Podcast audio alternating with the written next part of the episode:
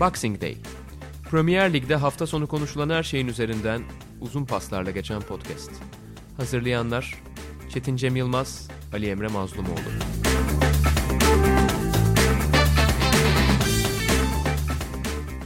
Sokrates Podcast'e hoş geldiniz. Sezonun son Boxing Day'inde ben Ali Emre Mazlumoğlu, Çetin Cem Yılmaz'la birlikteyiz. Pazar günü oynanan maçlarla birlikte çok uzun süren Premier Lig sezonu artık sonlandı ve Şampiyonlar Ligi'ne giden, şampiyon olan takım zaten belli olmuştu ama mücadele süren Şampiyonlar Ligi ve küme düşme potasında da işler kesinleşti. Bugün biraz bu son haftayı konuşacağız. Ardından tabii ligin değerlendirmesini yapacağız. Yılın takımı, yılın oyuncusu, yılın hocası gibi başlıklara değineceğiz. Tabii ki yılın hayal kırıklıklarına da odaklanacağız. Ardından hem Çetin hem benim yılın ilk 11'i seçmiş olacağız. Bakalım orada birbirimize söylemedik program başında. Bakalım farklılıklarımız olacak mı? Ve ardından da yılın son Boxing Day'ini kapatmış olacağız. Konular yoğun. Konuşacak da çok şey var. Keyifli de konular var bugün. İstersen hemen Premier Lig'in son günüyle başlayalım. Yani oradaki en büyük soru işareti belki de Şampiyonlar Ligi'ne kimin gideceği soru işareti vardı. Üç takım adaydı Manchester United, Chelsea ve Leicester City. Giden takımlar Leicester City'yi yenen Manchester United ve Wolves karşısında kazanan Chelsea oldu. Bu üçlü arasında giden iki takım sence şaşırtıcı oldu mu yoksa bekliyor muydun sen zaten bu ikisinin gidiyor olmasını? Şaşırtıcı olmadı. Geçtiğimiz haftalarda konuştuğumuz iki takım da buydu. Gerçekten lige verilen aradan sonra en formda dönen, en hani istekli, gerçekten bir hedefe kitlenmiş görünen iki takım. Ya takımlardan ikisi diyelim. Chelsea ve Manchester United'tı. Manchester birazcık son haftalarda hafif bir sallandı. Puan kayıplarıyla bir acaba dedirtti. Ama yani bu 3 ve 4'ü paylaşmaları hiç sürpriz olmadı. Özellikle Leicester City çok uzun zamandır serbest düşüşteydi. Yani pek çok açıdan değerlendirilebilir Leicester City. Hatta sorularda da var yani konuşabiliriz. Benim hani kendi notlarım arasında da açıkçası yılın ödülleri arasında Leicester City'den bahsetmeyi planlıyorum. Dolayısıyla çok derinlemesine girmeyelim ama Leicester City açıkçası çok çok büyük bir avantajı yitirdi. Yani Manchester United'ın 14 puan önünde olduğu bir dönem var. Ve oradan buraya gelip şimdi 4 puan gerisinde kaldılar Şampiyonlar Ligi'nin.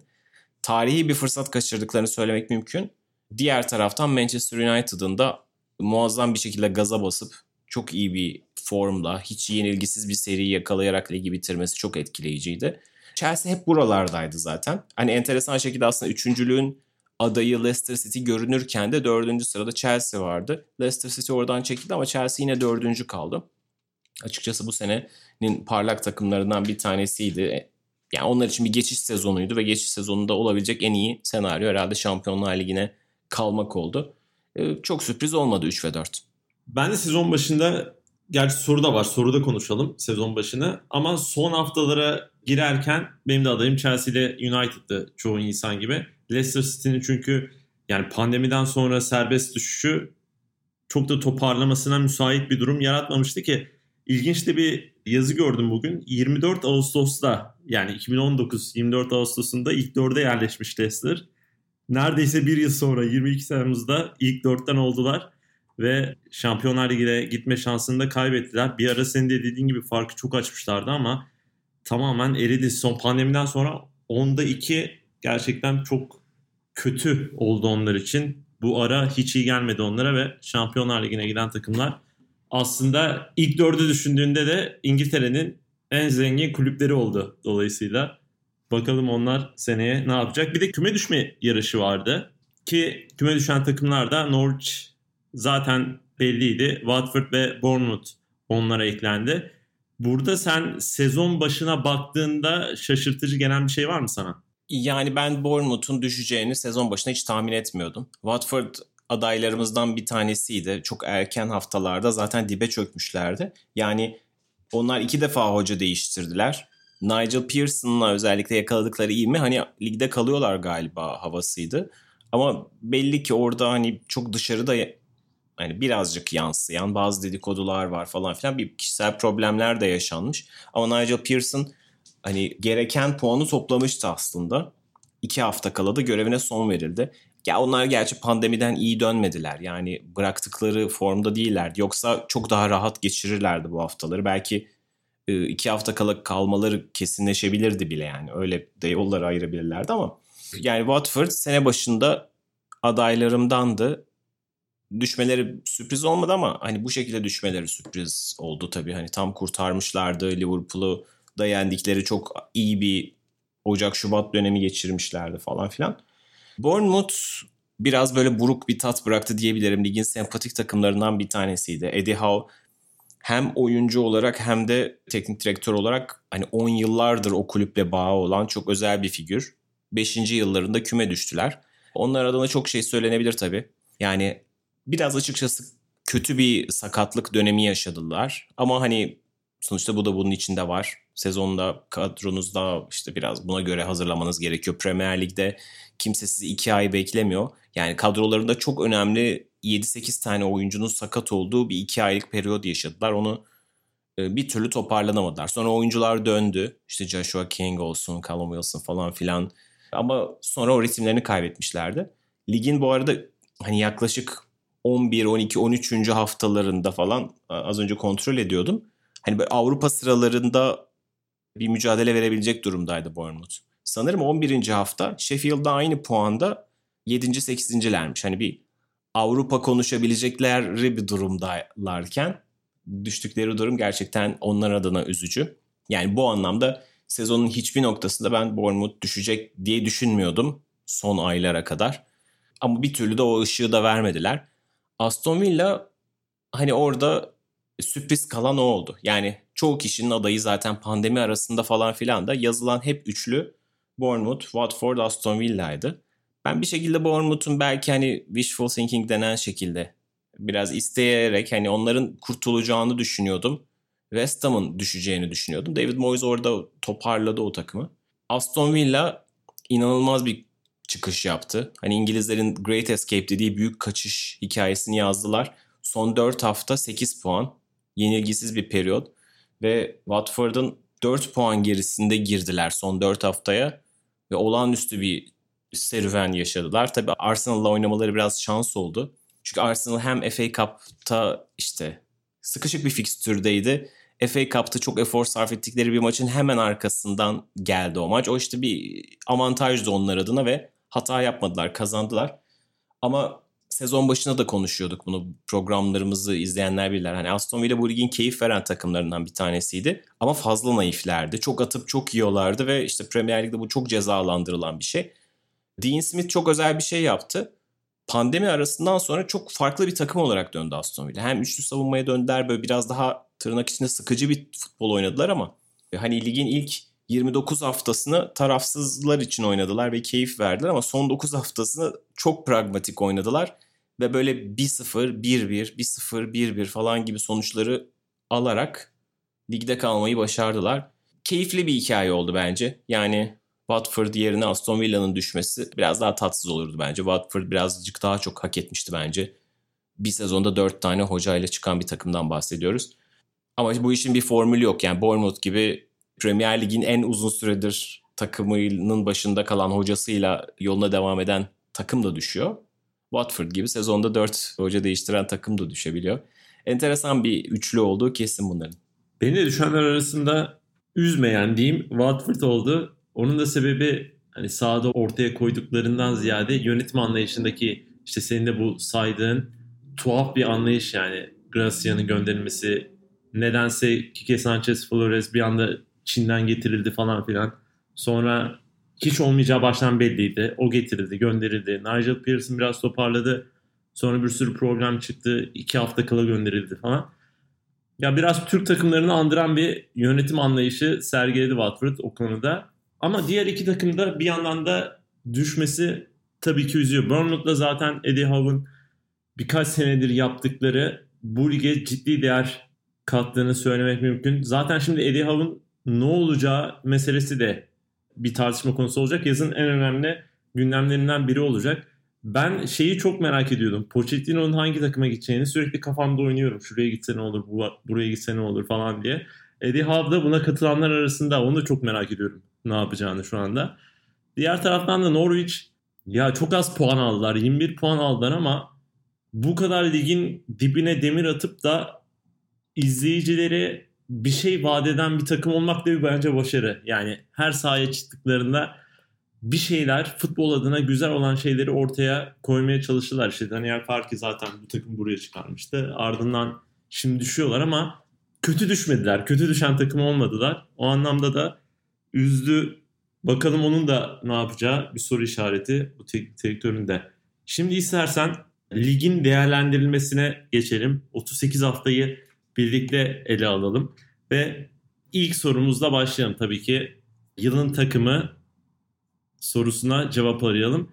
Ya herhalde bunda çok böyle 100 kişiye sorsan çok da farklı cevap almazsın. %90'ı Liverpool'u der diye düşünüyorum. Senin farklı bir fikrin var mı? Yani evet böyle bir soru ya Liverpool'dan başka bir cevap vermek çok doğru olmaz. Yani pandemi arasından kötü döndü Liverpool. Yani kötüden kastettiğimiz bazı puanlar kaybetti. Çünkü buna hiç alışkın değildi Liverpool'un bu sezonki projeksiyonu. Bence yani yılın takımı Liverpool'du uzak ara. Ve yani böyle hafta hafta bakıldığında puan farkları o kadar saçma seviyelere çıktı ki yani böyle 20'ler, 22'ler işte hatta böyle yıl başında 15 puan falan filan gibi olağanüstü puan farklarıyla gitti. Ve sezonun bir yarısından sonra hani bir noktasından sonra tüm hikaye Liverpool bu rekorları kıracak mı? Geçtiğimiz haftalarda da bunu konuştuk zaten. İşte Liverpool bu rekorları kıracak mı? Namalip şampiyon olacak mı? 3 kupa alacak mı? Tarihin en iyi takım mı? Falan filan gibi tartışmalar buna döndü. Yani o kadar domine etti ki. Dolayısıyla Liverpool'u birkaç senedir devam eden yükselişinin zirveye yaptığı sezon olarak yılın takımı yani dememiz gerekiyor açıkçası. Çok fazla kendi bütçesine, hedefine göre iyi iş çıkaran, takdir toplayan takımlar da vardı. Onları belki yılın sürprizinde falan konuşuruz ama hani neticede yılın takımını seçeceksek şampiyondan başkasını seçmek bu tabloda çok doğru olmaz herhalde diye düşünüyorum. Şimdi bugünden bakıldığında Liverpool'un şampiyon olması o kadar önceden bu işi neredeyse bu defteri kapattı ki yani bir anda sanki ıskalıyor gibi bazı futbol kamuoyundaki insanlar diyeyim.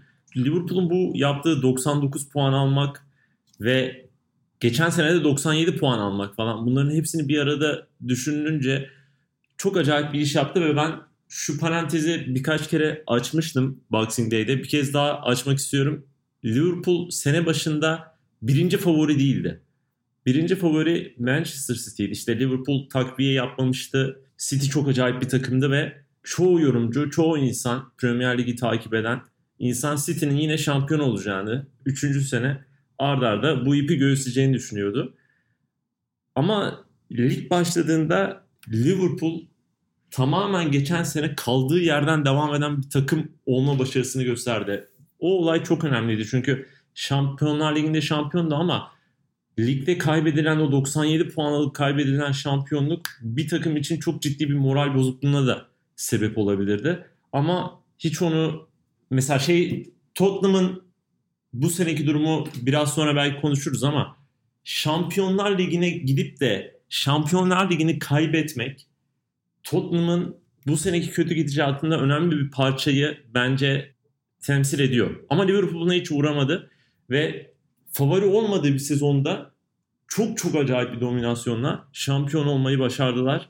Ki yani bu arada da bir sürü rekor var. Şimdi bunların hepsini sayarak kalabalık yapmaya da gerek yok ama çok büyük rekorlar kırarak belki hani 100 puan rekorunu kıramadılar ama çok fazla hanesine deftere bir sürü şey yazarak şampiyon olmayı başardılar. Bence de zaten Liverpool'un kaç senedir bu şampiyonluğunu beklediğini de düşünürsek 30 yıl geçmiş aradan bu tarihteki bu kulübün bu süre sonra şampiyon olması onu tabii ki yani isterse bir puan farklı bile şampiyon olsa yılın takımı konumuna yükselteceğini ben düşünüyorum. O yüzden benim de açık ara Liverpool gibi geliyor buradaki favorim. Yılın oyuncusuna bakalım. Bu biraz daha tartışmalı. Sen ne diyeceksin merak ediyorum ben. Ya evet buna ne diyeceğimi ben de hala çok merak ediyorum. Çünkü an an değişiyor bu. Yani ilk Liverpool'un şampiyonluk programından sonra öne çıkan oyuncular diye konuşmuştuk açıkçası ve işte Henderson'ın case'ini işte Henderson argümanlarını sunmuştuk. Sezonun belli dönemlerinde çok özel oynayan Mane'yi, Van Dijk'ı, Trent Alexander-Arnold'u konuşmuştuk. tüm oyunculardan bahsedince açıkçası yani finali de çok olağanüstü yapan Kevin De Bruyne'den de bahsetmek gerekiyor. Yani Henderson sezon oyuncusu ödülünü aldı ama hatta kendisi de Instagram postunda yılın takımı diye paylaştı. Yani hem ödülü kendisi tutuyor önde ama arkada takım arkadaşları var ve bunu yılın takımı diye paylaştı. Güzel bir jestti ve bu aslında biraz şey gibi yani bu Oscar'dan önce bazı oyuncular birliği falan ödülleri verilir ve orada ensemble ödüller verilir. Tüm oyuncu kadrosuna verilen ödüller vardır. Yani Jordan Henderson'ın aldığı ödül biraz tüm Liverpool'un yaşadığı olağanüstü sezonun bir ödülü gibi. Oradan tek bir oyuncu çıkarmak çok kolay değildi. Henderson hem liderliğiyle hem de saha içerisinde kattığıyla hak etti bu ödülü. Ama birazcık da saha dışındaki karakterine de verildi. Yoksa pür istatistiklere baksanız Kevin De Bruyne'ın daha iyi bir sezon geçirdiğini tartışmak zor açıkçası. Ama bu olay bu sezon üzerinde de böyle değerlendirildi. Yine benim kafamda 3 tane aday var. Yani birisi bahsettiğim sebepten Jordan Henderson, diğeri bahsettiğim sebepten Kevin De Bruyne, diğeri de Trent Alexander-Arnold. Bunu da o bölümden sonra konuşmuştuk.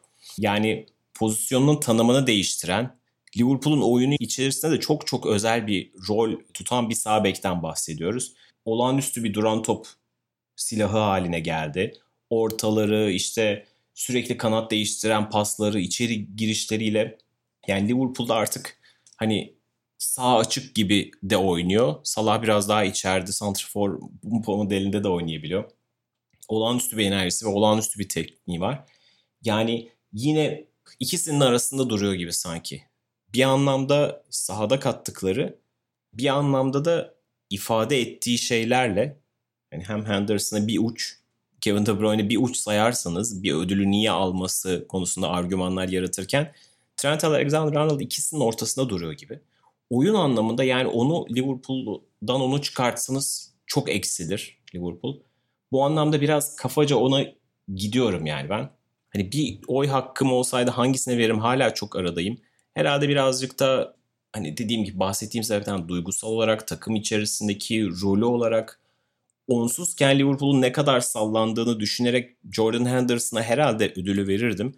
Ama yani bu sene saha içerisinde yaptıklarıyla korkunç bir asist sayısıyla yani Kevin De Bruyne asist krallığında bile yarışır seviyede. Son iki sezon asist toplamında onun önünde mesela. Bu anlamda Trent Alexander-Arnold'un da çok özel bir performans sunduğunu altı çok çok çizilmeli diye düşünüyorum. Yani hala tam bir cevap veremediğim farkındayım ama gerçekten Henderson'la Trent Alexander-Arnold arasında kalıyorum yani bu anlamda. Ortada bırakacağım bu yüzden. Kesin bir cevap veremeden. Yani evet.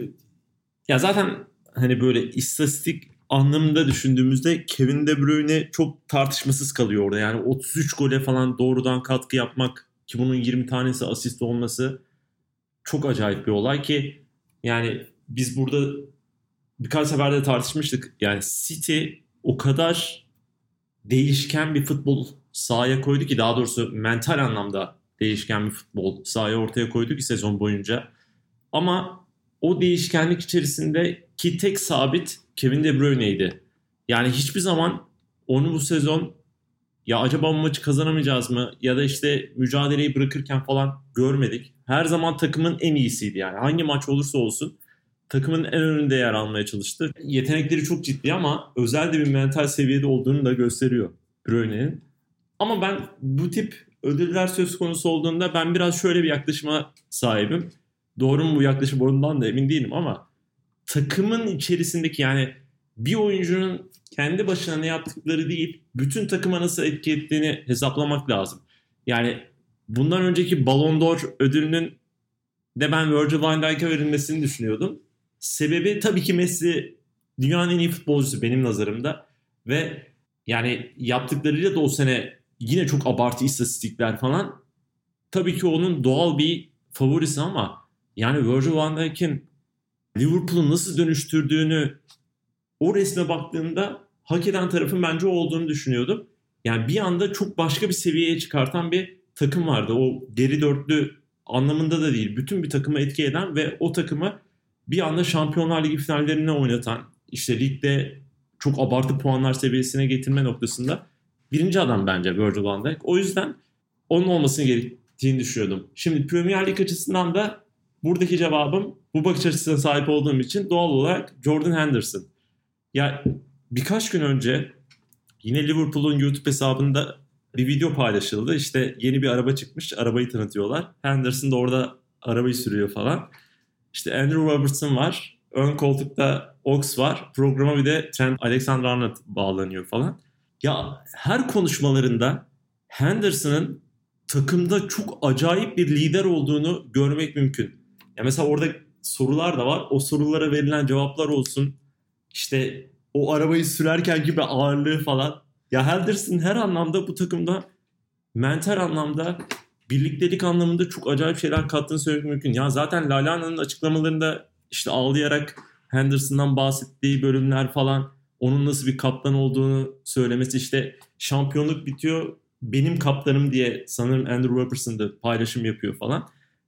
Bu anlamda düşündüğümüzde ki sen de şeyde söyledin sezon içerisinde Henderson'ın olmadığı maçlarda Liverpool'un zorlandığını özellikle o pres rakibi boğan pres noktasında çok ciddi sıkıntılar yaşadığını biliyoruz. E, Fabinho'nun sakatlığında Henderson hemen devreye girdi. Takımı hala Fabinho varmış gibi hatta ondan daha iyiymiş gibi oynatan o kimliği kazandırdı falan.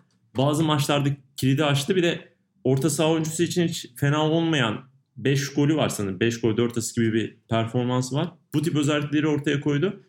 Ya hepsini düşündüğümüzde benim adayım doğrudan Henderson oluyor. Ama Arnold konusunda da sana katılıyorum.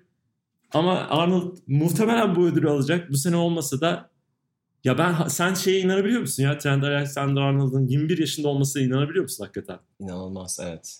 Yani iki senedir yaptıklarını da düşününce bu oyuncunun ve Liverpool için oyun anlamında bu kadar merkezinde olması falan gerçekten insanı hayrete düşürüyor. Yani gerçekten inanılmaz bir şey. Bu arada e, Henderson için söylediklerini destekleyecek ufak bir şey geliyor aklıma.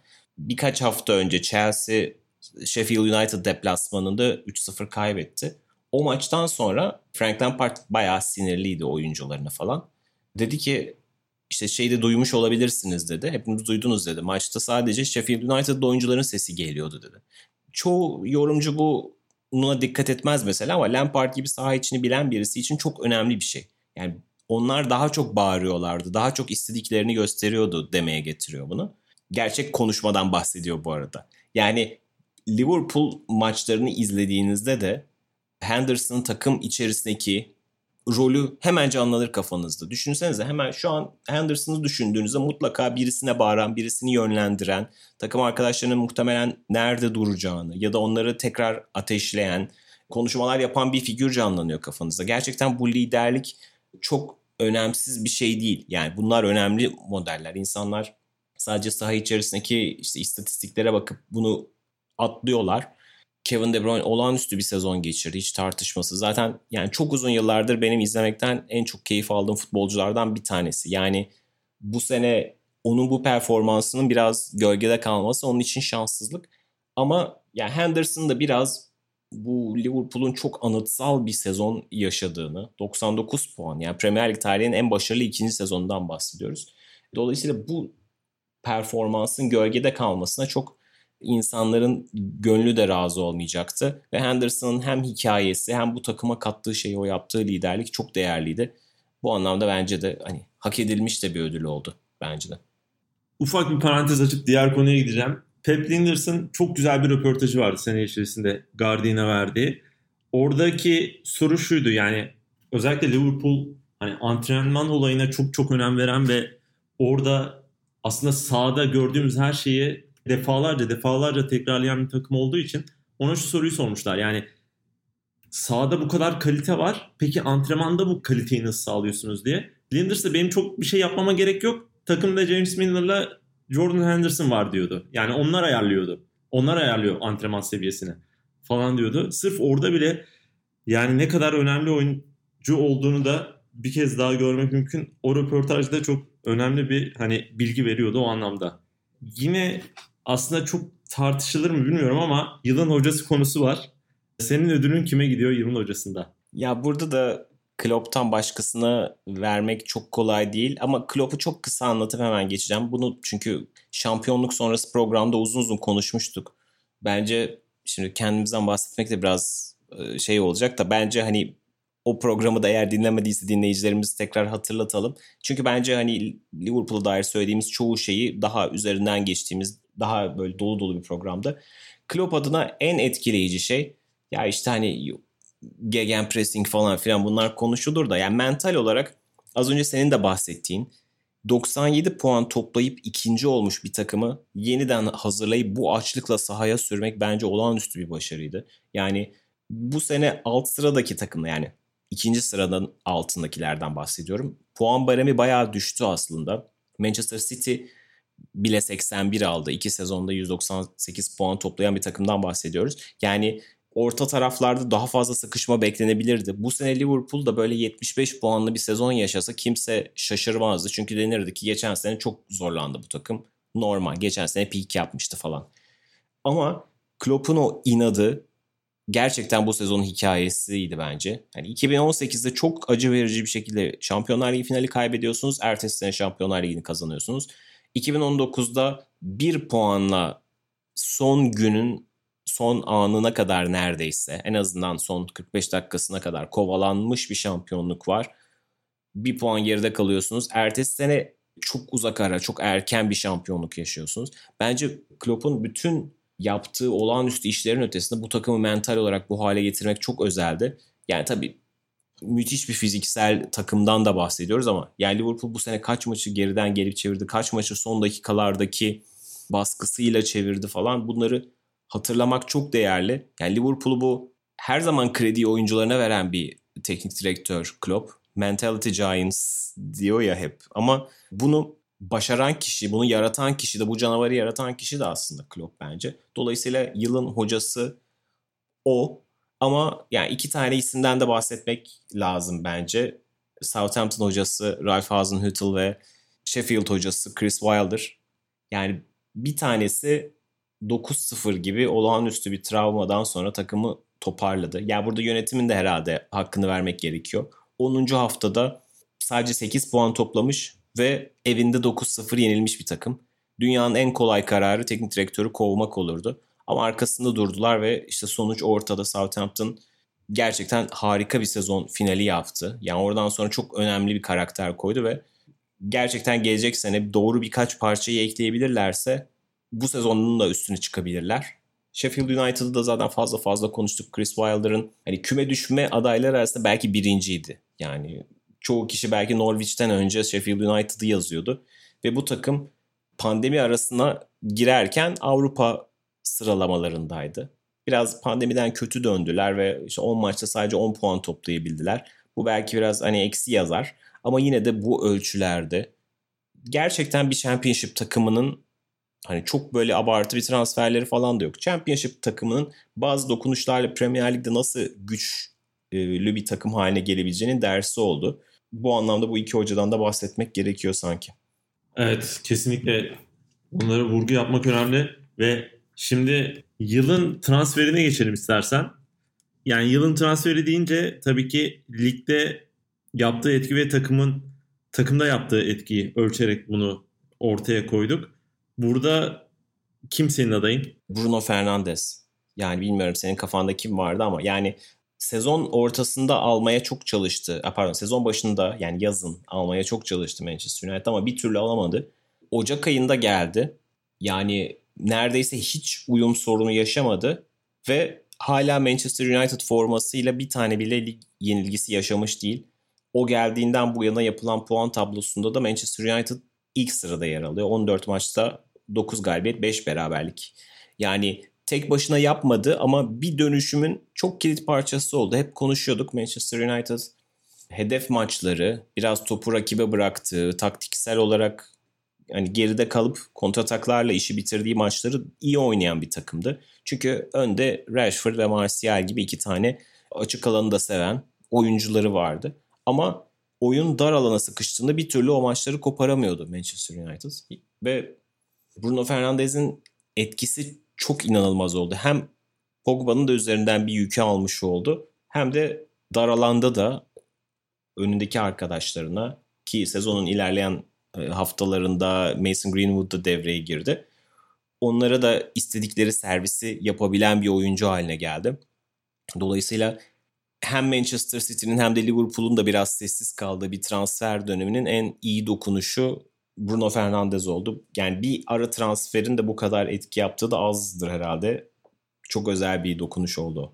Ben de zaten aynı ismi çıkarmıştım. Kesinlikle katılıyorum sana.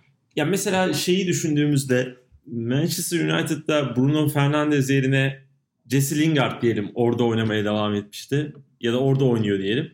Yani bu takımın ön tarafta pas yaparak rakip takımın yarı sahasına yerleşmesi, orada açık araması o kadar zor bir şey gibi gözüküyor ki. Çünkü her an top kaybedebilirsiniz ve o kaybettiğiniz top zaten geçiş çok çok iyi yapan takımlar var. Kalenizde gol olabilir. O nedenle ben Solskjaer'in Bruno Fernandes öncesi oynattığı oyunu haklı buluyorum. Yani zaten diğer türlüsünü düşünmek de çok hani haksızlık olabilir. Ve Bruno Fernandes'in takıma gelmesiyle birlikte Manchester United o büyük takım kimliği diyebileceğimiz olaya geçişini çok çabuk gerçekleştirdi. Ya ben de mesela bir sadece bir oyuncunun ya mesela muhtemelen Bruno Fernandes öncesi çok da böyle şey düşünmezdim. Ya bir oyuncuyla olacak işler değil bunlar yani.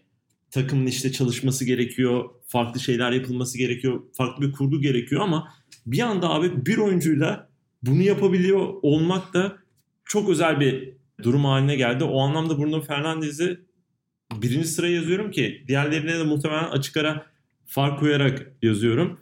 Yani hem United'a yaptığı katkı anlamında, skor anlamında ama önemli anlamda da United'ın oyunu değiştirmesi ve çok önemli bir şey daha da eklenebilir bunun yanına. Yani şimdi Fernandez'in ile birlikte değişen oyun sistemiyle birlikte Pogba şimdi mesela takıma girdi daha mutlu çünkü daha öncesinde onu yapabileceği bir partner sürekli yok takımda ve onu huzursuz ediyordu. Ve aynı zamanda Pogba'nın da girmesiyle birlikte takım seneye dair de umutlanmaya başladı.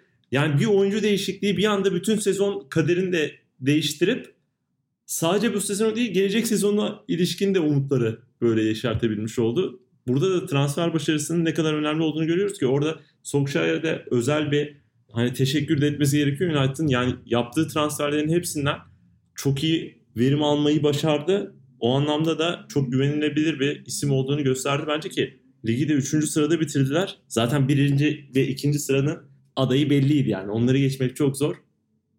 Eğer Liverpool ve City değilseniz bence hedef 3 olması gerekiyordu ve onu yapmayı başardı. Ve burada da Bruno Fernandes'in payı en az Solskjaer kadar var herhalde. Ligin ikinci yarısı için söylüyorum. O anlamda ben de ona veriyorum. Peki yılın olayı. Burada bir sürü olay oldu. Bakalım sen neyi değerlendireceksin bu noktada? Ya yine kolayına kaçmış olacağım belki de. Yani aklıma Liverpool'un o dominasyonu geliyor. Yani pandemi arasına girilirken 29 maçta 27 galibiyet bir beraberlik. Premier Lig rekorlarını alt üst eden bir formdu. Yani öyle ki eğer bu kadar abartı bir şeyle formuna girmemiş olsaydı Liverpool pandemi arası çok daha farklı olabilirdi yani. Oradan sonra işin rengi çok daha değişebilirdi. Bence biraz genel bir şey de olsa pandemi hikayesi açıkçası. Yani Liverpool'un dominasyonu bence bu yılın olayıydı. Tüm ligin hikayesi, anlatısı da onun üzerinden şekillendi bence. Hani bundan sonrası için belki pandeminin futbola etkisi, işte bütçeler, şunlar bunlar tekrar konuşulabilir ama bu senenin hikayesi bence buydu. Yine bir diğer taraftan aklıma da 9-0 da geliyor ama şimdi Southampton'ın tüm sezonunu da onun üzerinden değerlendirmek istemiyorum ama bir yandan çok enteresan yani gerçekten tarih uzun yıllar boyunca hatırlanacak bir şey. Bir takımın evinde 9-0 yeniliyor olması ama sonra oradan sonra iki takımın nasıl döndüğü, nasıl hikayelerinin değiştiğini falan hatırlamak da enteresan. Yani bir anlamda belki bundan bahsetmemiştik de yılın maçı diyebileceğim maçlardan bir tanesiydi. Ama evet yılın olayı bence Liverpool'un o olağanüstü 29 maçı pandemi öncesi. Eğer pandemi devreye girmeseydi lig tarihin en erken şampiyonluğu olacaktı. Hafta olarak yine öyle oldu ama ay olarak da yani maç haftası olarak öyle oldu ama gerçek takvim olarak da en geç şampiyonluk oldu. Bu anlamda ben yine o dominasyonu ön plana koyuyorum. Ben de Liverpool dominasyonu tabii ki yılın olayı. Bir de hani paranın diğer tarafında da şöyle bir nokta var. Bunu yazdım ben düşününce. Ya Norwich'in 5. haftada City'yi 8 eksikle yenmesi, 3-2 yenmesi de bence ligin diğer bir bakış açısını ortaya koydu. Yani Manchester City'nin aslında bu sene diğer seneler gibi yani acayip bir dominasyonu kuramayacağını gösteren birinci sinyal olmuştu belki. Belki onun öncesinde hani Tottenham maçı vardı ama yani o yine Tottenham'dı ve başında yine Pochettino vardı. O takımı biliyorduk. O takımın City'den puan alması normaldi. Ama City 5. haftada Norwich deplasmanına gidip yani o kadar eksiği olan bir takıma 3-2 yenilince hemen şu şeyler geldi ki o haftaya kadar tabii ki hep City bu ligi alacak, ligi alacak görüntüsü çiziyordu. Çok da iyi başlamıştı. 5-0'lar, 4-0'lar öyle bir seriydi. Ee, yanlış hatırlamıyorsam öyle gidiyordu. Ve orada 3-2 yenilince anlaşıldı ki o dominasyon sürdürülemeyecek. City şampiyonluğu kaybedebilir. Bu senenin şampiyonu Liverpool olabilir. Ki Liverpool'un da başlangıcıyla birlikte düşününce. Herhalde ben de yılın olayına bunu ekleyebilirim.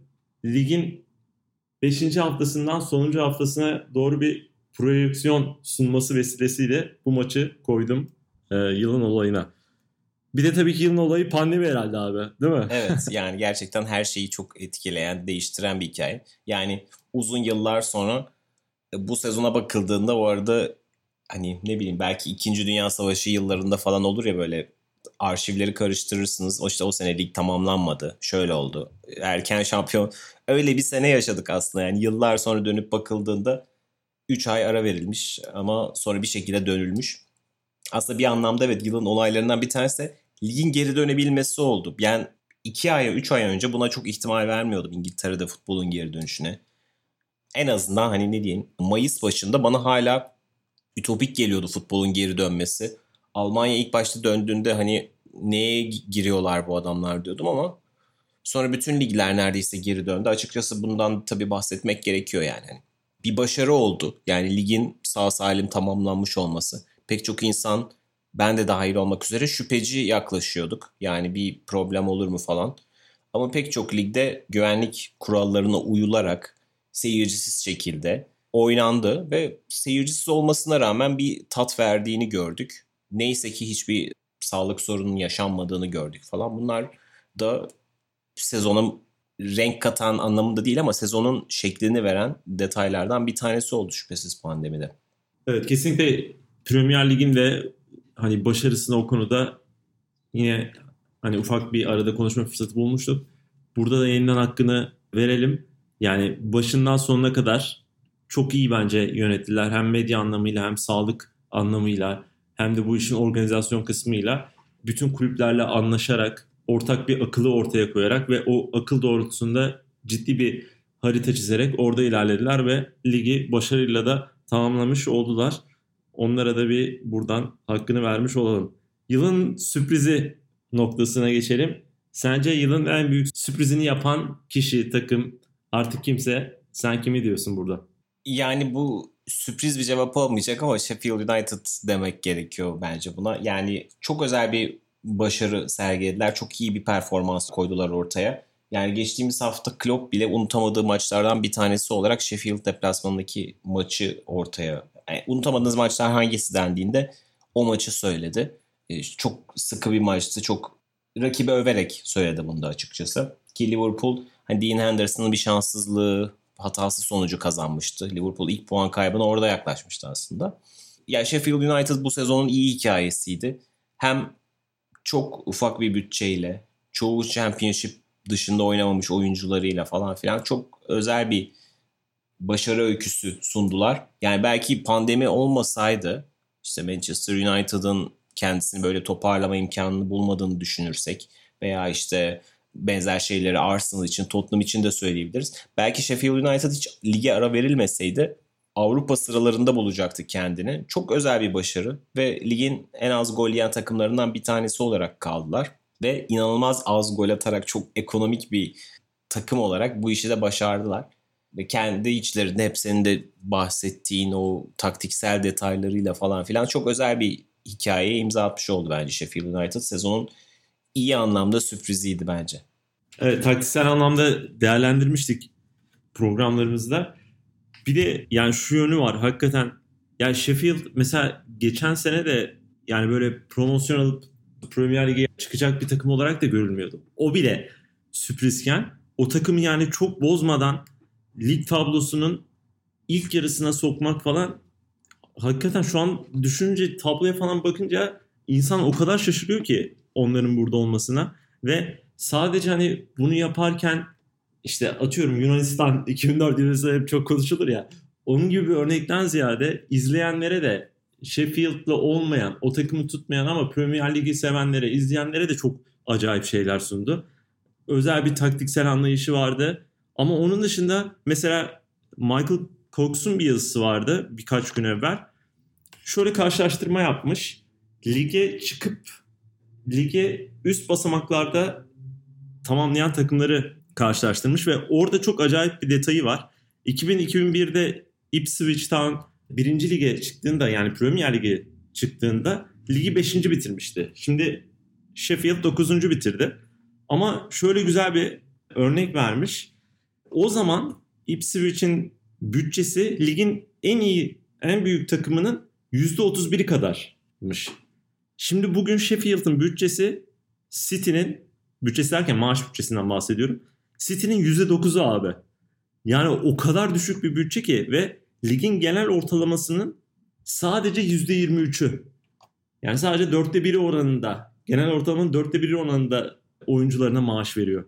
Yani böyle bir takımın bu seviyede artık ya şeyleri falan da düşündüğümüzde İngiltere Premier Lig'in orta seviye takımlarını işte uzun yıllardır orada olan Everton, Crystal Palace gibi takımları falan düşündüğünde de onlarınla rekabet etmesi şey yapması bile çok mucizeyken böyle bir performans göstermesi çok acayip oldu gerçekten. Yani ne bileyim abi oyuncuları John Fleck, John Lustrom falan biri Coventry'den gelmiş, biri Oxford'dan gelmiş falan. Yani bu, bu takımlar ne yani Premier Lig için? Öyle garip geliyor ki bu ortaya koydukları başarı. Yani kesinlikle yılın sürprizinde benim de bir numaram yani hakikaten Klopp tam böyle konuştuk ama Liverpool herhalde şampiyon olmasaydı bir şeyler olsaydı yine City şampiyon olsaydı ya da başka bir takım şampiyon olsaydı ben ona vermezdim. Muhtemelen benim en iyi teknik direktörüm adayım Chris Wilder olurdu. Çok özel bir sezonu geride bıraktı. Seneye için ne yapacağını da yani bu takımı nasıl değiştireceğini falan da merak ediyorum şimdiden. Peki yılın sürprizi ikimizin de kararıyla Sheffield oldu. Yılın hayal kırıklığı için sen ne diyorsun? Ee, yani içimden bir ses orada da ortak çıkacağız diye düşün diyor ama dur bakalım nasıl olacak. Tottenham Hotspur yani bence bu yılın en büyük hayal kırıklığı onlar oldu. Açıkçası bir Şampiyonlar Ligi finalinden sonra bu sene bu kadar kötü bir yıl geçirmelerini beklemiyordum. Yani ve Şampiyonlar Ligi'nde de bu sene yollarına devam ettiler ama çok kötü bir sezon geçirdiler. Bayern Münih'ten 7 gol yediler. Leipzig karşısında hani paramparça oldular. Şu an mesela tabloya bakıldığında 6. bitirdiler ve Arsenal'ı geride bıraktılar ezeli rakipleri. Yani bu anlamda bile hani Avrupa sıralarını elde ettiler. Çok türbülanslar yaşayıp yine Avrupa yolcusu olmaları falan takdire şayan açıkçası.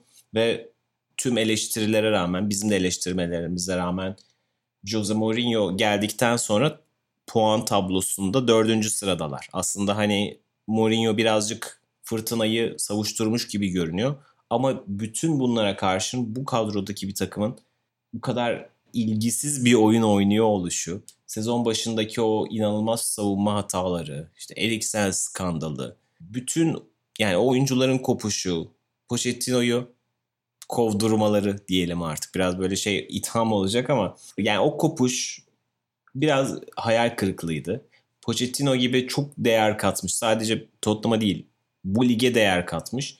Yani yıllardır Manchester City'nin yapamadığını yapıp Şampiyonlar Ligi finaline yükselmiş. Yani Premier Lig takımı olup Şampiyonlar Ligi finali görmek Liverpool dışında 2018'den sonra aslında uzun yıllardır yaşanan bir şey değil de yanılmıyorsam Chelsea'den beri hatta yani Chelsea şampiyonluğundan beri. Şampiyonlar Ligi finaline çıkartıyor Tottenham gibi bir takımı. Buralara çok alışık olmayan bir takımı. Oralara getirmiş bir hocanın kovulma noktasına gelmesi falan filan. Bütün o skandallarıyla bence çok bu yılın en büyük hayal kırıklığıydı.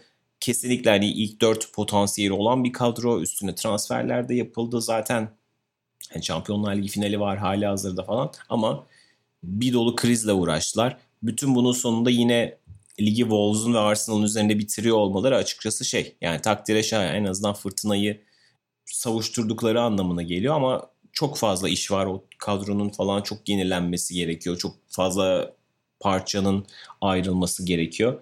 Genel olarak bütün bu dramaları zaten Amazon dizisinde de izleyeceğiz muhtemelen.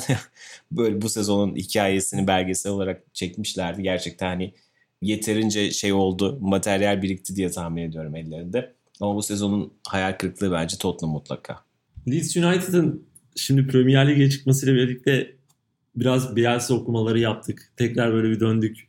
Yani tekrar bir bakma isteği oluştu tabii.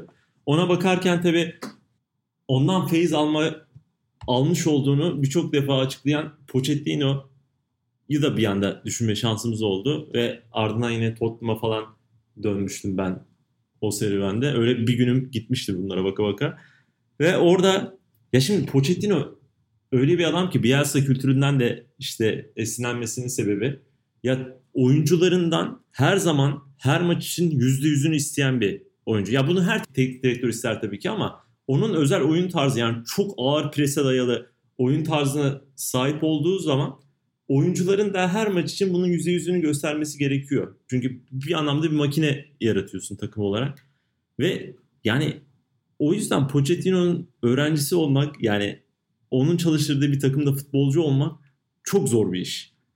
Ya ben mesela herkes şimdi kendi yaptığı işi düşünsün. Öğrencilik olabilir ya da çalışma hayatı olabilir. Ben de kendi işlerimi düşünüyorum. Ya ben her hafta yüzde yüzümü ortaya koyamıyorum mesela. Bazı haftalarım daha yani böyle yavaş geçiyor. Bazen hakikaten çok iyi falan filan. Ve düşünüyorum abi ben muhtemelen Pochettino'nun takımında oynayamazdım. Ya da işte kulübün takımında falan oynayamazdım. E şimdi bu kadar yüksek tempoyu yıllarca aynı oyuncu grupluğuyla oynatmaya çalışmak doğalında ilişkileri kopma noktasına getirdi. Zaten neredeyse oyuncular oynamıyordu yani. Sen hani itham dedin ama bence açıktı yani. Görüyorduk bunu. Oyuncular çok o oyunu oynamak istemiyordu. Ya böyle resmen durarak Pochettino'nun gitmeden önceki artık son haftalarında duruyorlardı yani böyle bir oynamak istemediklerine dair her türlü mesajı ortaya seriyorlardı. O yüzden bu hayal kırıklığı tabii ki Tottenham'dan buna rağmen lig başlamadan önce bu tip senaryoları bekleyen kimse yoktu. Ama Pochettino'nun takımını yönetim yenilemesi gerekiyordu. O noktada işte yavaş kalınca zaten biliyoruz yani söz konusu transfer olduğunda yönetimin ne kadar cimri olduğunu Tottenham yönetiminin hep konuşulan bir şey artık. Defalarca söylendi. İşte o ısrarı, istikrarı sürdürememesi, kadroyu değiştirememesi hakikaten Tottenham'ı çok acayip bir şekilde aşağıya sürüklemiş oldu bu sezon başında. Kimsenin de beklemediği kadar kötü gittiler. Bence de yani ligin açık ara en hayal kırıklığı gibi gözüktü. Bir de ben abi son zamanlarda Kepa'ya taktım. Yani ligin hayal kırıklığı deyince tabii ki çok büyük konu Tottenham ama böyle spesifik anlamda Kepa'da bence yani Premier Lig kalecisi olmadığını yani net söylüyorum ya gösterdiği gibi geldi bana. En azından yani top seviyede. A seviyede. Doğrudur ki hala hala hazır dünyanın en pahalı kalecisi ve ligin son haftasında kesildi. Bakalım Lampard'ın hani kalıcı mı olacak ama yani bir kaleci isteyecek mi yazın? Bu enteresan bir e, durum olacak yani. Kepa'da gerçekten doğru tespit. Evet şimdi herhalde bitirdik bunun böyle tek tek değerlendirmesini. İlk 11'lere geçelim. İkimiz de ayrı ayrı çıkardık. Kaleden başlayalım istersen. Kaleye kimi koydun? Kaleye Dean Henderson'ı koydum Sheffield United'dan. Aa aynı. Neden Dean Henderson o zaman? Yani hem Sheffield adına bir oyuncu olmalı diye düşünerek hem de hani ligin öne çıkan iki tane kalecisi. Alisson çok maç kaçırdı.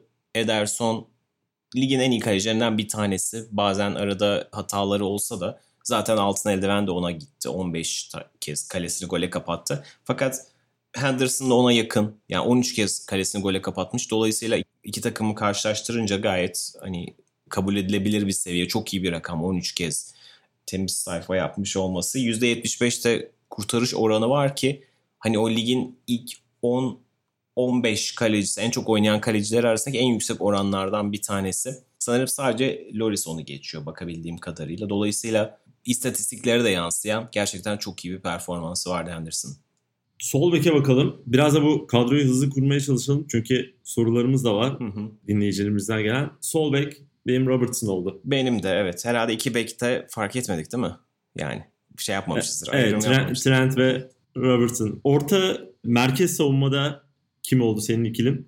Ya Van Dijk geldiğinden beri zaten Liverpool savunmasının generali. Onu koymamak olmazdı. Onun yanına ya Çağlar Soyuncu sezonun çok büyük kısmında çok iyiydi ama Leicester düşünce onu da koymak yanlış olurdu ki zaten o Bournemouth maçındaki hatasıyla hani takımın ligi kötü bitirmesinde de bayağı büyük bir etken oldu. Gördüğü o saçma kırmızı kartla sezonu kapattı 3 maç kala. Burnley her zaman sağlam bir takımdır. Tarkovski'yi almak istedim orada. James Tarkovski. Yani Burnley genel olarak takım savunması yapan bir takım. Forveti olan Wood'dan başlayarak biraz İzlanda'ya benzeyen bir oyun anlayışları var ama hani bir tane oyuncu çıkarmak çok kolay değil. O yüzden takımın ve savunmanın lideri olarak Tarkovski'yi koymak istedim. Ya bende de parantez içinde Tarkovski yazıyor ama parantez dışında asıl oyuncum Maguire. ya çok büyük paralara tabii ki alındı. Beklenti de yüksekti. Bazı maçlarda da çok kötü performans sergiledi ama yine de bence hani şu United'ın zor sezonunda çok tartışılan sezonunda Maguire orada güvenilebilecek, koyulabilecek bir isimdi ve zor zamanları da iyi götürdü diye düşünüyorum. O anlamda parasını da yani hak ettiğini düşünüyorum. Ben o yüzden Maguire'ı koydum. Bir de United'dan da oyuncu koymak istiyordum. Maguire benim oraya girdi. Ben takımı bu arada 4-2-4 dizdim. Orta sahadaki ikili mi üçlü mü seni bilmiyorum ama or- orta sahaya geçelim istersen. Ya ben 4-3-3 gibi dizdim ama birazcık hani çok realist dizmedim ama şimdi şey yaparım. Üçlüye Jordan Henderson zaten konuştuk. Bruno Fernandes konuştuk ve Kevin De Bruyne'i koydum. Böyle bir üçlü yaptım. Aa bak ben de sonradan tamam tamam ben de değiştirmişim. 4-2-3-1 yapmışım. Ben de 3 kişi var orta sahada ve üçü de aynı. Henderson, Kevin De Bruyne, Bruno Fernandes. Ya Bruno Fernandes'in parantez içine de Grealish'i koydum. Çünkü Bruno Fernandes hani yarım sezon oynadı. Yarım sezona rağmen girmeyi sonuna kadar hak ediyor bu 11'e kesinlikle ama Grealish de yani Aston Villa'yı bugün yine seneye Premier Lig'de mücadele edecekse Grealish herhalde onun en büyük kahramanı. Evet kesinlikle yani gerçekten çok güzel bir hikaye. 6 yaşında girdiği kulübü Premier Lig'e taşıdı.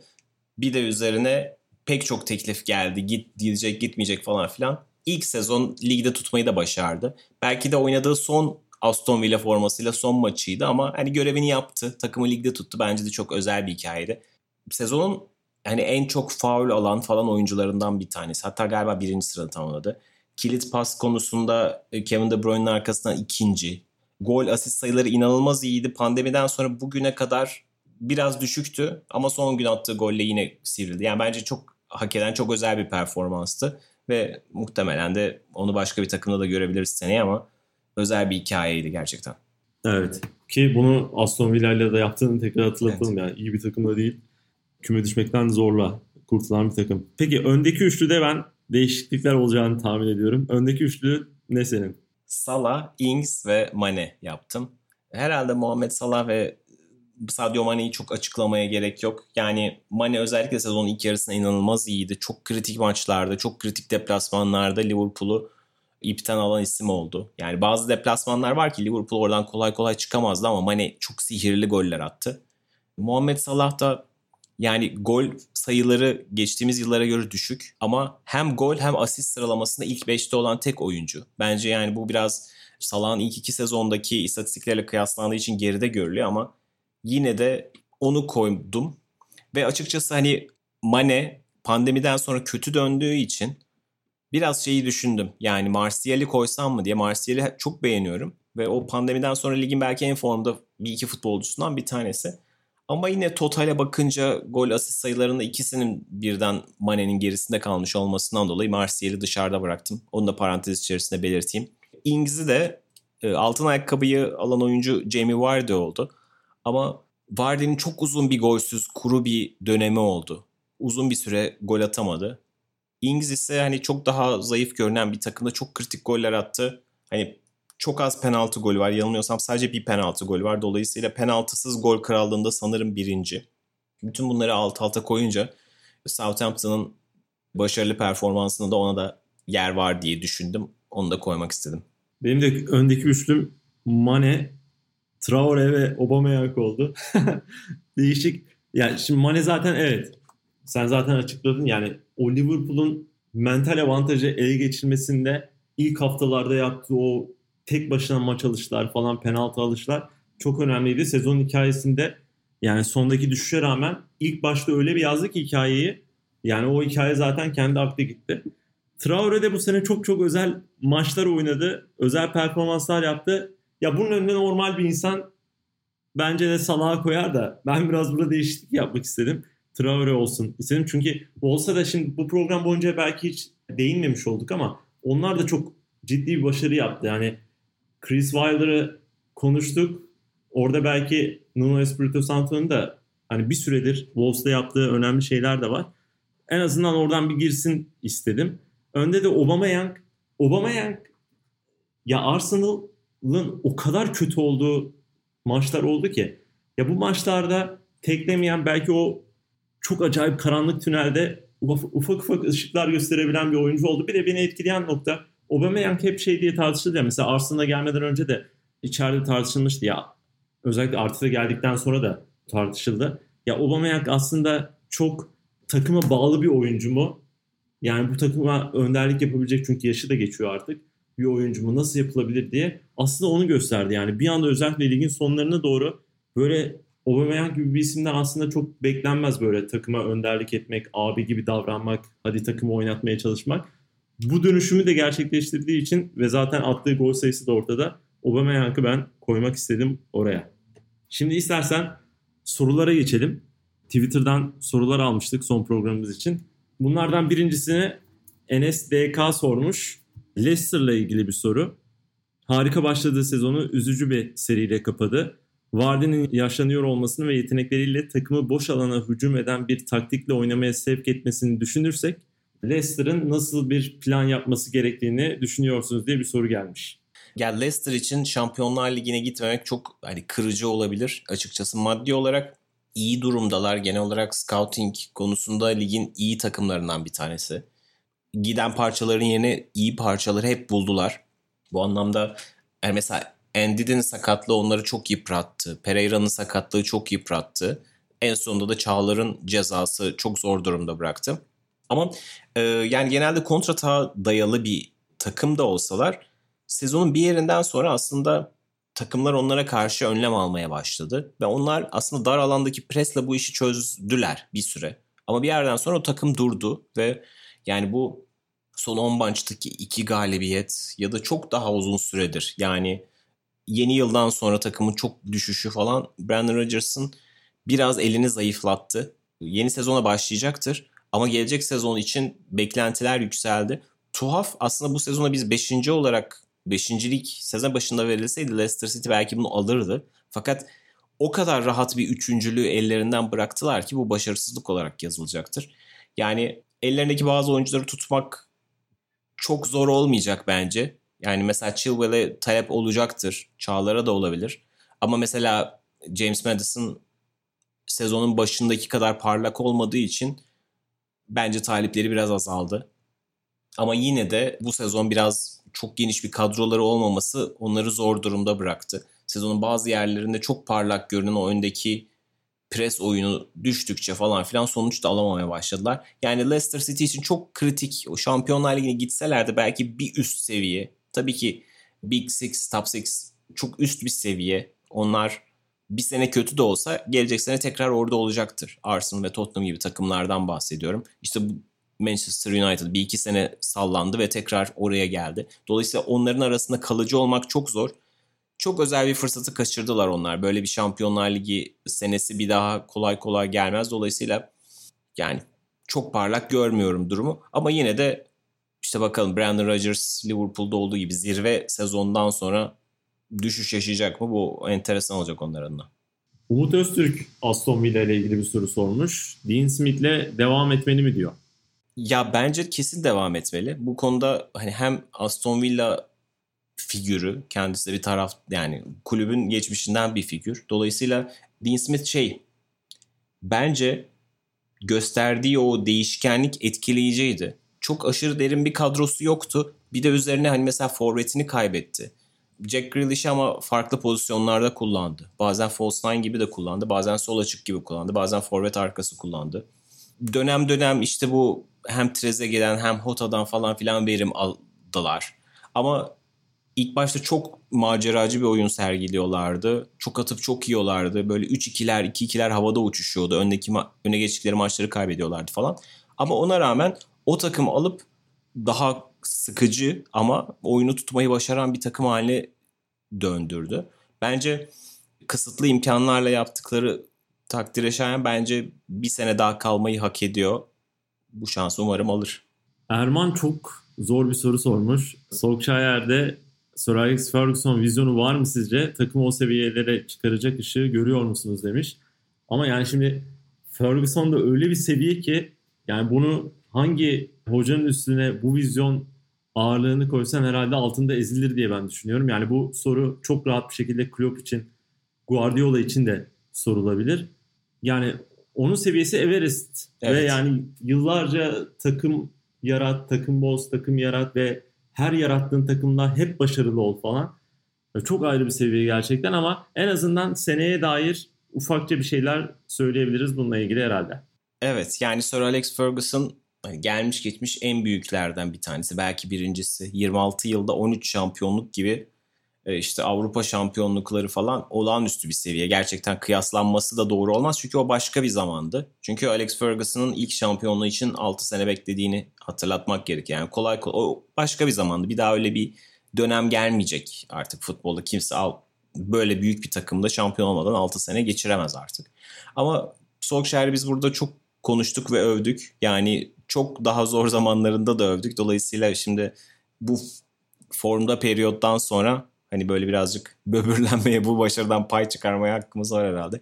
Yani Solskjaer bence çok nispeten kısıtlı imkanlardan çok anlamlı bir takım yaratmayı başardı sezonun ilk yarısında da. ikinci yarısında da bunun meyvelerini topladı açıkçası. Bu anlamda ben hani mutluyum Manchester United'ın hem bir faktör olarak geri dönüşüne hem de Solskjaer gibi hani o geçmişle bağı olan Ferguson'ın öğrencisi bir oyuncu ile yani şu anki direktör ile bunu başarmalarına o seviyeye tekrar çıkartmak dediğim gibi o seviye çok başka bir seviye. Ama Manchester United'ı hani şampiyonluk adayı haline getirebilecek bir hoca kumaşı var mı derseniz yani bence var ama çok acele edilmemesi lazım. Ama o var. Manchester United gelecek sene bir iki takviye ile hani şampiyonluk yarışı değilse de yani yine düzenli olarak ilk üçte olacak bir takım havası veriyor bana. Şampiyonluk yarışına girmek çok kolay değil hala Liverpool'la City'nin çıktığı seviyeden dolayı ama onlar da belki bir iki adım geri gidebilirler. United çok iyi durumda. Hani iyi bir ivme yakaladı bunu sürdürürse falan filan. Yani ben bir iki sezon içerisinde United'ın oralarda olabileceğini düşünüyorum. Bence Solskjaer'de de şampiyon yapabilecek hoca potansiyeli var. Melange Arteta ile ilgili bir soru sormuş. Arsenal aradığı eski günlere kavuşmak için Arteta ile zorlamalı mı? Ben kısaca evet abi sonuna kadar zorlamalı diyorum. Sen ne diyorsun?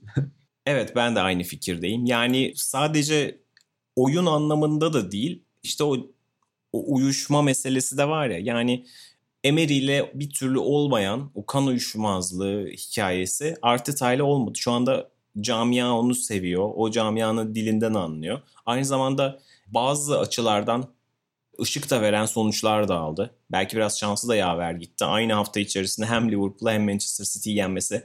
Yani bununla üst üste gelmesi şanstı. Yani galibiyete böyle gölge düşüren bir şey söylemiyorum. Sonuçta bu kazanma alışkanlığını sürdürmesi, ligi bu şekilde bitirmesi çok değerliydi. E 21 maça çıkmışlar. Daha az gol yiyen, biraz daha sıkı bir takım haline getirmeyi başarmış Arteta bakınca. 21 maçta 9 galibiyet, 5 mağlubiyet. Çok fazla beraberlik var ama o yavaş yavaş o beraberlikler de galibiyete dönebilir. O ışığı veriyor. En azından bir türlü kıramadığı maçlar oldu Arteta'nın ama yani çok zor bir yerden getirdi. Hani oyuncularla taraftar arasında çok büyük bir kopukluk vardı. Bunun çakası, Grant çakası şeyi, David Luiz'i, Mustafa'sı falan filan. Bu oyuncuların çoğunu da böyle kazanarak bir anlamlı bir takım haline getirmesi çok kolay değildi. Bence umut verici bir yerde bıraktı. Bence Arsenal'ın şu anda devam etmemesi için hiçbir sebep yok. Bence Arteta çok iyi bir başlangıç yaptı diyebiliriz. Evet Arsenal'ın Arteta ile birlikte geleceğinde yanılmıyorsam iki yayın öncesi Manchester United ve Arsenal üzerine uzun uzadıya konuştuğumuz yayında oraya bir değinmiştik. Artısının Arsenal için ne ifade ettiğini ve ne ifade edebileceğini. Hani o yayında belki izlemek Melange soruyu sormuştu. Belki o yanı ben tavsiye edebilirim buradan. Oğuzhan Sarıtaş Chelsea ve Manchester'ın ilk dörtte olacağını tahmin ediyor muydunuz?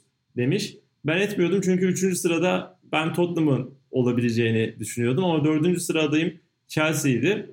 Manchester'ın oraya girmesi beni biraz şaşırttı. Yani ben de yazsam herhalde sene başında Tottenham'ı mutlaka 3'e yazardım. Onlardan böyle bir düşüş beklemiyordum. Dolayısıyla ikisinin birden ilk 4'te olmasını tahmin etmiyordum. Sene başındaki tahminim hangisiydi hatırlamıyorum ama herhalde ben ben de Chelsea'yi daha üstte görmüşümdür. Şu an açıkçası hatırlamamakla birlikte. Bu anlamda ikisinin birden bu kadar iyi olmasını e, beklemiyordum diyebilirim. Son soruyu Emre Utku Aydın sormuş. Ancelotti'nin Everton'ında diğer sezon için ışık gördünüz mü? Özellikle pandemi arası sonrası ligde rahat olma sebebi belki de tempo anlamında yetersizlerdi gibi bir soru sormuş. Gelecek için, gelecek sezon için Ancelotti ve Everton ilişkisini sormuş. Evet güzel bir tespit. Gerçekten Ancelotti çok iyi başladı. Flash yani sonuçlar da aldı ve aynı zamanda böyle zor yenilen bir takım haline getirdi. İşte 4-4-2'ye döndürmüş olması, ön taraf oyuncularından daha çok verim almaya başlaması falan etkileyiciydi. Dominic Calvert-Lewin ve Richarlison'u beraber kullanması falan. Yani Everton'ın ciddi transferlere ihtiyacı var. Özellikle orta sahaya. Yani hem Davis hem Sigurdsson falan filan orayı taşımıyor. İşte Walcott zaten hani dönemini tamamlamış görünüyor. Belki savunma ve forvet birazcık daha iyi ama orta sahaya böyle en az 3 transfer falan lazım. Açıkçası bu kadronun limitine gelmiş durumda. İyi başladı ama gelecek sene eğer iyi hamleler gelmezse bu kadrodan çok daha fazlasını alabileceğini zannetmiyorum ben de. Yazın en merak ettiğim takımlardan bir tanesi Everton olacak bu yüzden. Evet böylelikle sezonun son Boxing Day'inde bitirmiş olduk. Yani benim için de çok keyifli bir süreç oldu. Yani ligin başından sonuna kadar çok uzun bir Premier Lig sezonuydu ve çok güzel çok güzel konuları burada tartışma fırsatı bulduk. Ya benim nazarımda futbolun zirvesi Premier Lig ve bunu her hafta yorumlamak ve seninle beraber olmak Çetin. Bu projede çok hakikaten güzel şeyler sundu bana. Yine burada dinleyicilerin ara sıra sorduğu sorular, programa yaptığı katkılar. Ya ben herkese buradan bizi dinleyenlere ve tabii ki Sokrates ekibine teşekkür ederek bitirmek istiyorum. Bu programı da şöyle bitirelim. Hep ben kapatıyordum. Bu kez de senin son sözlerine kapatalım istersen. Tamam sen çok güzel söyledin. Ben de tüm dinleyenlere, bugüne kadar dinleyen herkese çok teşekkür ederim. Tüm bizim bu yayında ve yapımda emeği geçen Sokrates ekibine de çok teşekkür ederim. Güzel, heyecanlı bir sezondu. Takip ettiğiniz için teşekkürler. Tekrar görüşmek üzere. Hoşçakalın. Hoşçakalın.